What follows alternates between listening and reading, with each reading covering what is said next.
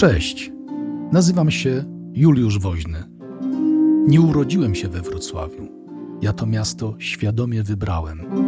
Mogę Wam o nim opowiedzieć.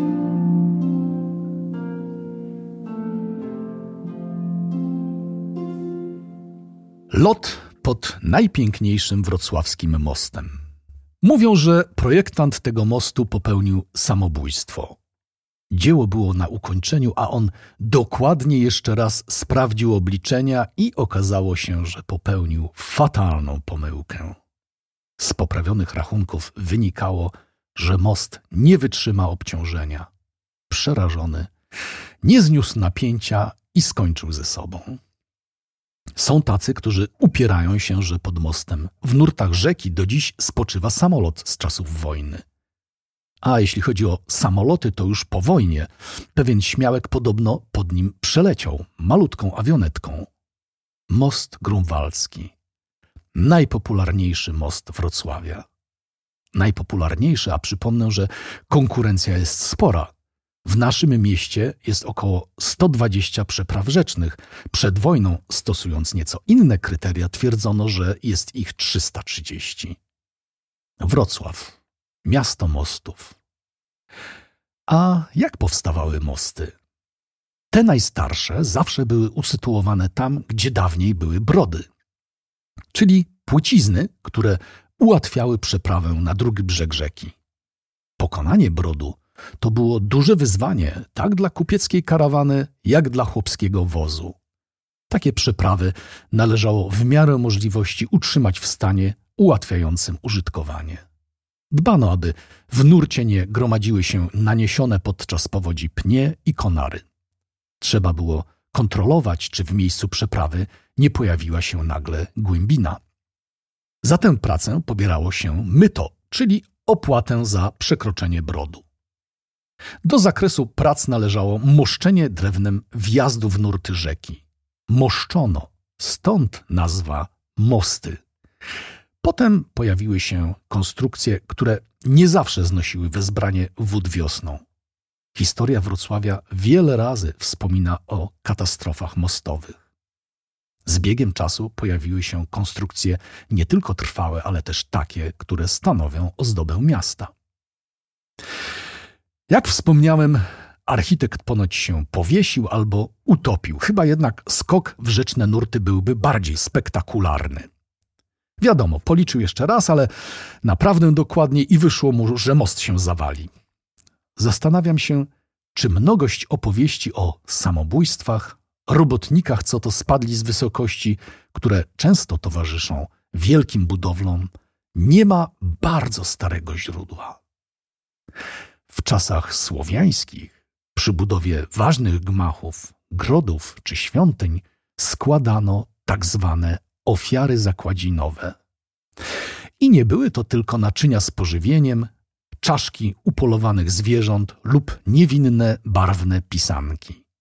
Czasami, jeśli budowa była naprawdę ważna, poświęcano niewolnika.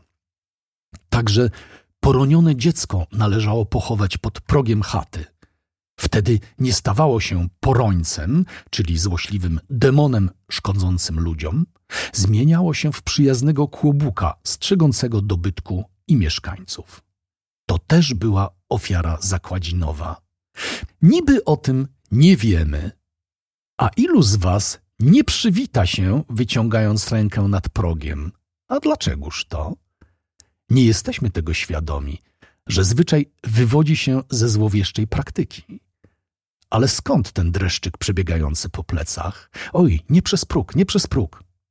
Pod progiem mogło spoczywać pochowane ciało i nie wolno się było witać przez trupa.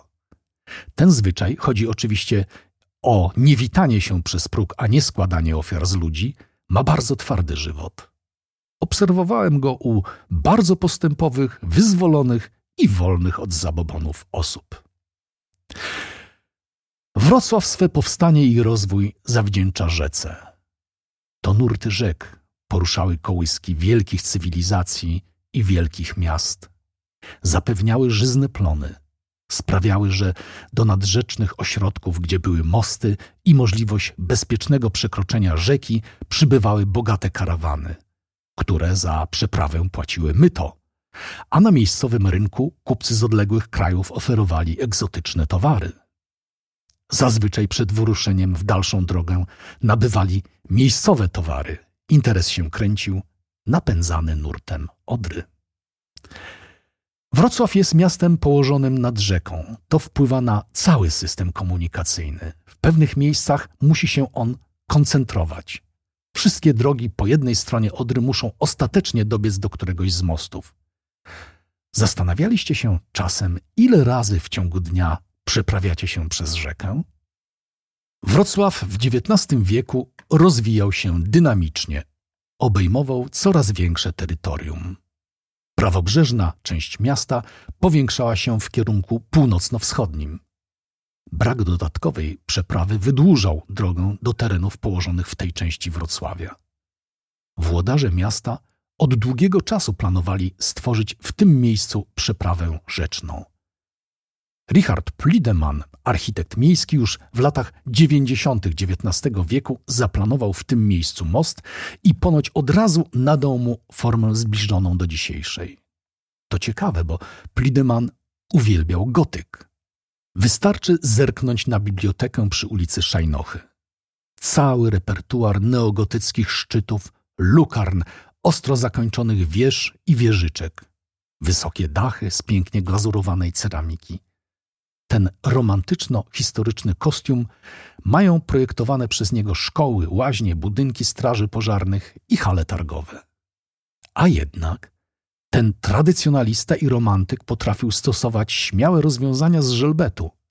Natomiast jego najwybitniejsze dzieło, Most Grunwaldzki, to zapierający dech w piersiach skok naprzód. Zupełnie nowy repertuar form i dekoracji. Cóż powiedzieć, brawo Richard. Rysiek, szacun. Według tej wizji artystycznej Richarda Plidemana zaprojektowali most Martin Meyer, architekt i inżynier Robert Weihart. Na etapie konkursu nazywano go Kaiser Friedrich Brücke, czyli most cesarza Fryderyka. Ostatecznie jednak nazwano go po prostu mostem cesarskim, a nagrody były kuszące. Główna wynosiła 2000 marek. Do komisji konkursowej wpłynęło 39 projektów. Zwycięski projekt nosił nazwę Geszpant, naprężony, chyba adekwatną do jego inżynierskiej koncepcji. Laureatami zostali Meyer i Weyrauch, którzy przełożyli na język inżynierskiego konkretu wizję Richarda Plidemana. I trzeba przyznać, że forma jaką nadał mu starzejący się twórca w wyrazie artystycznym, nadążała za współczesnością początków XX wieku. Tu wyraźnie daje o sobie znać duch art déco, surowy, monumentalny, wręcz brutalny w wyrazie. No, palce lizać. Pamiętam moje zaskoczenie sprzed kilku lat, gdy przechodząc przez most zauważyłem elementy, na które wcześniej nie zwróciłem uwagi Otóż każdy z filarów wspierających kamienne łuki ma po zewnętrznej stronie dyskretnie zaznaczoną sylwetkę orła, niemal nie odróżniającą się od otoczenia, a przecież monumentalną, pełną surowej siły. Plideman nie dożył końca budowy mostu i być może to jego śmierć stała u źródła powstania owej legendy o architekcie samobójcy. Nie miał żadnych powodów do targnięcia się na swoje życie. Był artystą spełnionym, jego życie to wspaniała kariera architekta, usiana sukcesami. Zresztą władca Niemiec nagrodził projektantów mostu medalami, byli więc zadowoleni i nikomu do głowy nie przychodziło popełniać samobójstwo. Śmierć Plidemana nie była gwałtowna, nie była zaskoczeniem. Architekt miejski chorował od dłuższego czasu. Wymiary mostu, długość 112 albo 118 metrów, zależy jak się mierzy. Długość taśm stalowych to około 216 metrów, tych łagodnych krzywizm, bez których nie wyobrażamy sobie Wrocławia. To właśnie nadaje mu harmonię i piękno. Poezja łączy się z wrażeniem siły. To udało się osiągnąć budowniczym. Wspaniała budowla była przez wrocławian dedykowana swojemu cesarzowi Wilhelmowi II. Może to sprawiło, że wrocławianie nie liczyli się z kosztami. Most pochłonął 2 miliony 800 tysięcy marek.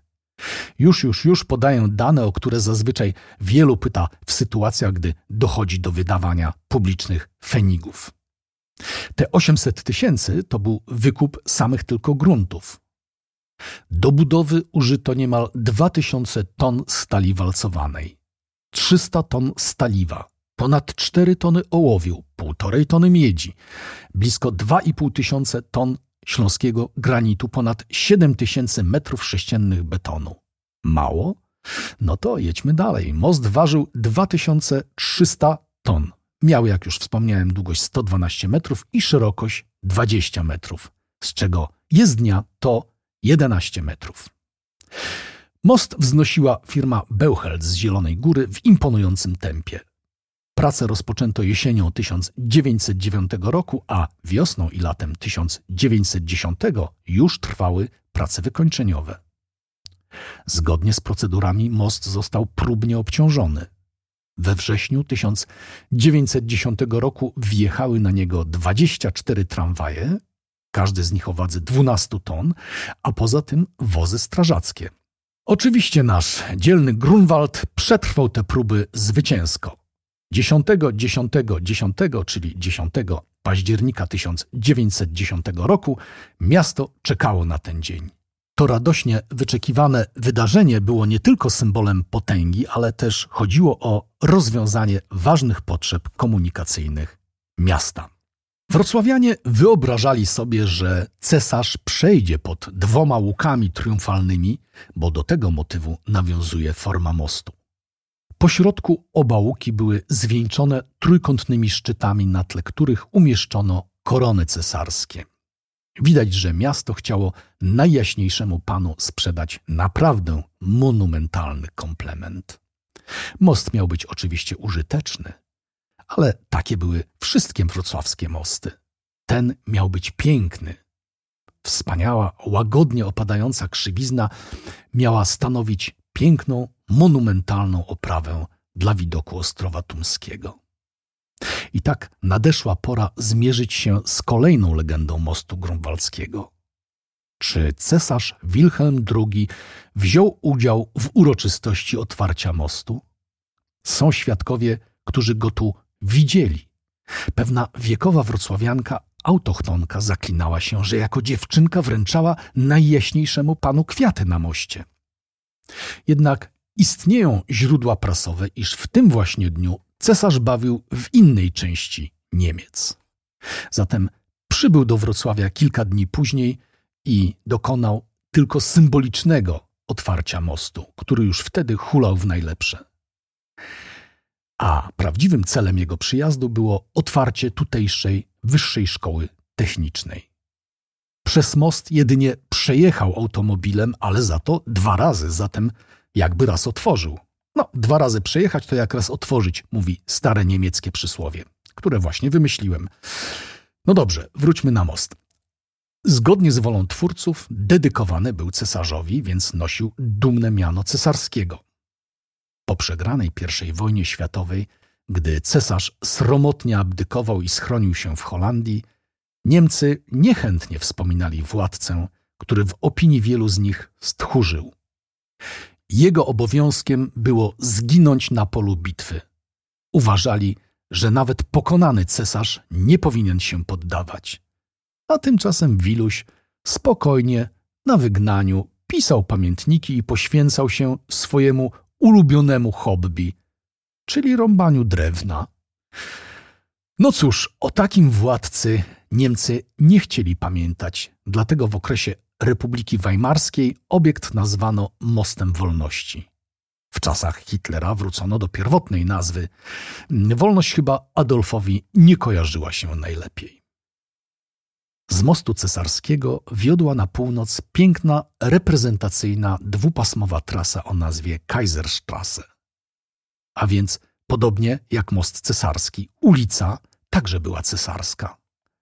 U schyłku wojny we Wrocławiu rozegrała się tragedia, która może być symbolem wszystkich absurdów związanych z oblężeniem Festung Breslau. Gdy Armia Czerwona opanowała południową część miasta, Gauleiter Hanke, wypełniając rozkazy Hitlera, wcielił w życie decyzję, iż Wrocław będzie walczył. Stanie się twierdzą Festung Breslau. Powstanie Placu Grunwaldzkiego to skutek decyzji właśnie Gauleitera Hankego. Armia Czerwona odcięła lotnisko na Gondowie. Wówczas tyran z Festung Breslau rozkazał, aby zburzyć okoliczne domy, aby teren splantować i tak stworzyć plac, z którego mogłyby startować samoloty. Jeńcy wojenni, przymusowi robotnicy, głównie z Polski, ale także mieszkańcy Wrocławia wyrównywali pas startowy dla samolotów. Budowę okupiono ogromnymi stratami. W tym miejscu zginęło 13 tysięcy osób. Mimo to nie zaprzestano prac. Jak wspominał jeden z Polaków zmuszonych do pracy pod bombami, widziałem niejednokrotnie, jak pociski rozrywały ludzi. Najpierw był błysk, słup dymu w górę, a potem spadało po kawałku ludzkie ciało. Pracę w tym miejscu zaczynano codziennie o godzinie czwartej rano. Wyburzanie domów i uprzątanie gruzów z ulicy trwało do późnego wieczora, mimo nalotów radzieckiego lotnictwa. Z tego lotniska wystartował podobno tylko jeden samolot. Samolot, którym z ukochanego Breslau uciekał bohaterski Gauleiter Hanke. I właśnie dlatego, aby samolot nie zahaczył o detale architektoniczne mostu cesarskiego, Hanke rozkazał strącić z mostu kamienne ozdoby. W momencie upadku Festung Breslau sugerowano mu honorowe wyjście, godne oficera, który posłał tysiące ludzi na śmierć, jak się okazało, daremną. Hanke ani myślał umierać. Jak twierdził, był jeszcze młody, miał dopiero 42 lata, żonę i dwie córki, więc miał dla kogo żyć. Informacja o tym, że samolot, którym Hanke czmychnął ze zrujnowanego miasta właśnie z lotniska, które sam kazał zbudować, jest najprawdopodobniej jedną z legend Wrocławia. Ponoć ten samolot wystartował z miejsca przed halą ludową lub, jak utrzymują inni, był to plac wolności. Podobno później, uciekając, został zestrzelony przez czeskich partyzantów i zabity podczas próby ucieczki. Byłby to jeden z nielicznych dowodów na istnienie czeskiej partyzantki. Niektórzy twierdzą, iż jednak przeżył i był widywany w Argentynie, kraju, w którym znalazło schronienie wielu Niemców po II wojnie. Jak dowiedli historycy, na lotnisku na Placu Grunwaldzkim wylądowało kilka szybowców z zaopatrzeniem, a wystartował stamtąd jeden Junkers z dwudziestoma dwoma rannymi żołnierzami. Po kilku godzinach Niemcy poddali twierdzę Wrocław. I tylko po to zginęło 13 tysięcy ludzi na późniejszym Placu Grunwaldzkim. Trakcie prac nad lotniskiem usunięto zwieńczenia pylonów mostu, aby nie przeszkadzały samolotom, które miały startować. Nie tylko dekoracje pylonów, ale też konstrukcję mostu zniszczyli Niemcy podczas tej obrony. Chcieli zapobiec uszkodzeniu przez radzieckie bombardowanie, dlatego stalowe taśmy zostały przecięte i most osiadł na zatopionych w rzece barkach wypełnionych gruzem. To ustabilizowało konstrukcję i umożliwiło bezpieczny przejazd przez przeprawę transportów wojennych. Stabilizacja okazała się tak trwała, że most, mimo ostrzału podczas oblężenia, można było użytkować aż do wiosny 1946 roku. Jednak z biegiem czasu woda zaczęła podmywać grunt, na którym osadzono barki. Podparta na nich kratownica ulegała coraz większej deformacji. Wówczas rozpoczęto naprawę zdewastowanej konstrukcji. Trzeba było wznieść kolejne tymczasowe podpory, które umożliwiły podniesienie i stabilizację kratownic na czas remontu. Wymieniono lub zreparowano część pasów i zawieszenia, naprawiono powierzchnię jezdni i chodników. Cała operacja kosztowała 22 miliony złotych. Nie odbudowano zwieńczeń pylonów, Usunięto też śląskiego orła, który zdaniem ówczesnych władz miał zbyt pruską stylistykę. Most ponownie otwarto 6 września 1947 roku i wtedy nadano mu nazwę Grunwaldzki. Warto zejść z mostu na nabrzeże, żeby sprawdzić, jak niewielka jest przestrzeń między lustrem wody a dolną częścią mostu. Dlaczego do tego zachęcam? Kolejna legenda Grunwaldu, jak w skrócie wrocławianie nazywają swój ulubiony most.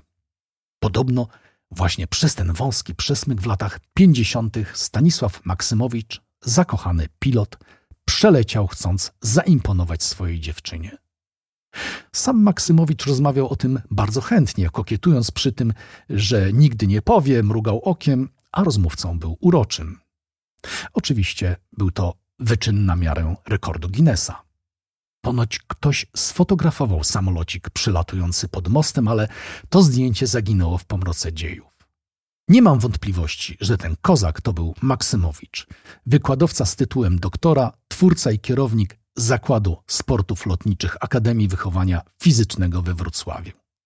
Niestety pan Stanisław zmarł 1 kwietnia w wieku 88 lat w tym roku. Stanisław Maksymowicz urodził się 7 czerwca 1933 roku. W powietrzu za sterami samolotu spędził ponad 5000 godzin. Wykonał 786 skoków ze spadochronem. Jako instruktor przeszkolił wielu nauczycieli wychowania fizycznego, pilotów, skoczków spadochronowych, instruktorów i trenerów sportów lotniczych. Podobno skakał razem z rosyjskimi komandosami z wysokości 100 metrów, co jest wyczynem na granicy możliwości fizyki, bo przecież na tak krótkim odcinku spadochron nie powinien się otworzyć.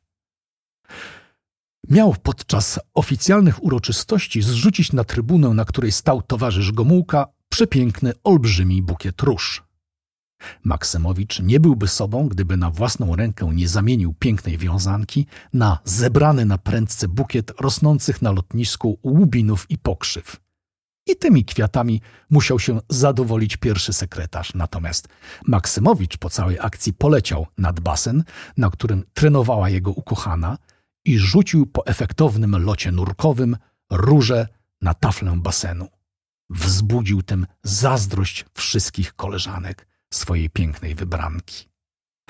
Człowiek legenda. Jeśli ktokolwiek zdobyłby się na taki wyczyn, to właśnie on. Moment, o którym mówiłem poprzednio, wyglądał mniej więcej tak.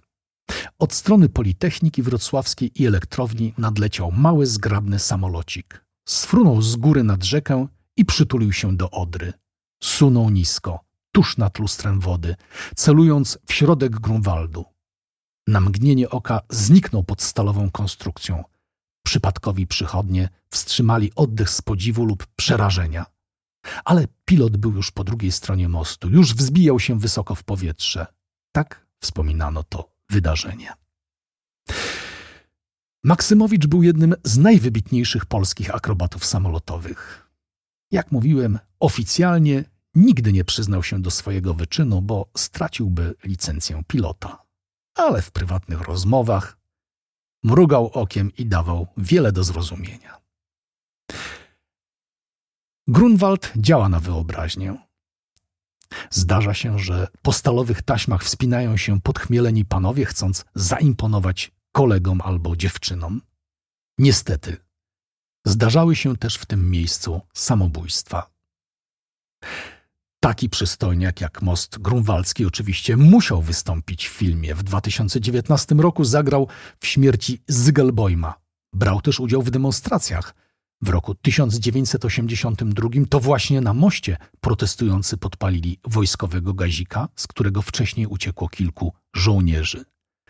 Do tej sytuacji nawiązał w swoim filmie 80 milionów Waldemar Krzystek. Jedne z najbardziej dramatycznych scen filmu rozgrywają się właśnie na Grunwaldzie. Może na koniec wróćmy jeszcze do momentu, w którym otwarto most. Przypominam, 10, 10, 10.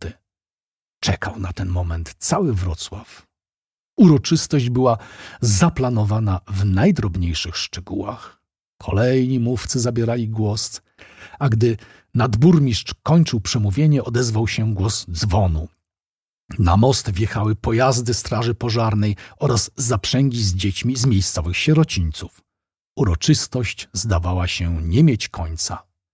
Wówczas zgromadzony tłum zaczął napierać na siedmiu policjantów, którzy mieli pilnować porządku. Wrocławianie ruszyli na most, całkowicie blokując ruch pojazdów. Jak zanotował jeden z obecnych na miejscu dziennikarzy, oficjalna uroczystość zmieniła się w radosny festyn.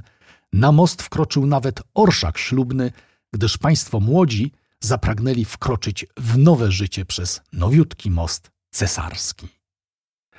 Uroczystość zakończył bankiet w sali wielkiej ratusza. Toasty wznoszono oczywiście kuflami znakomitego piwa z browaru Hazego, importowanym winem, a zakąszano przysmakami z piwnicy świdnickiej.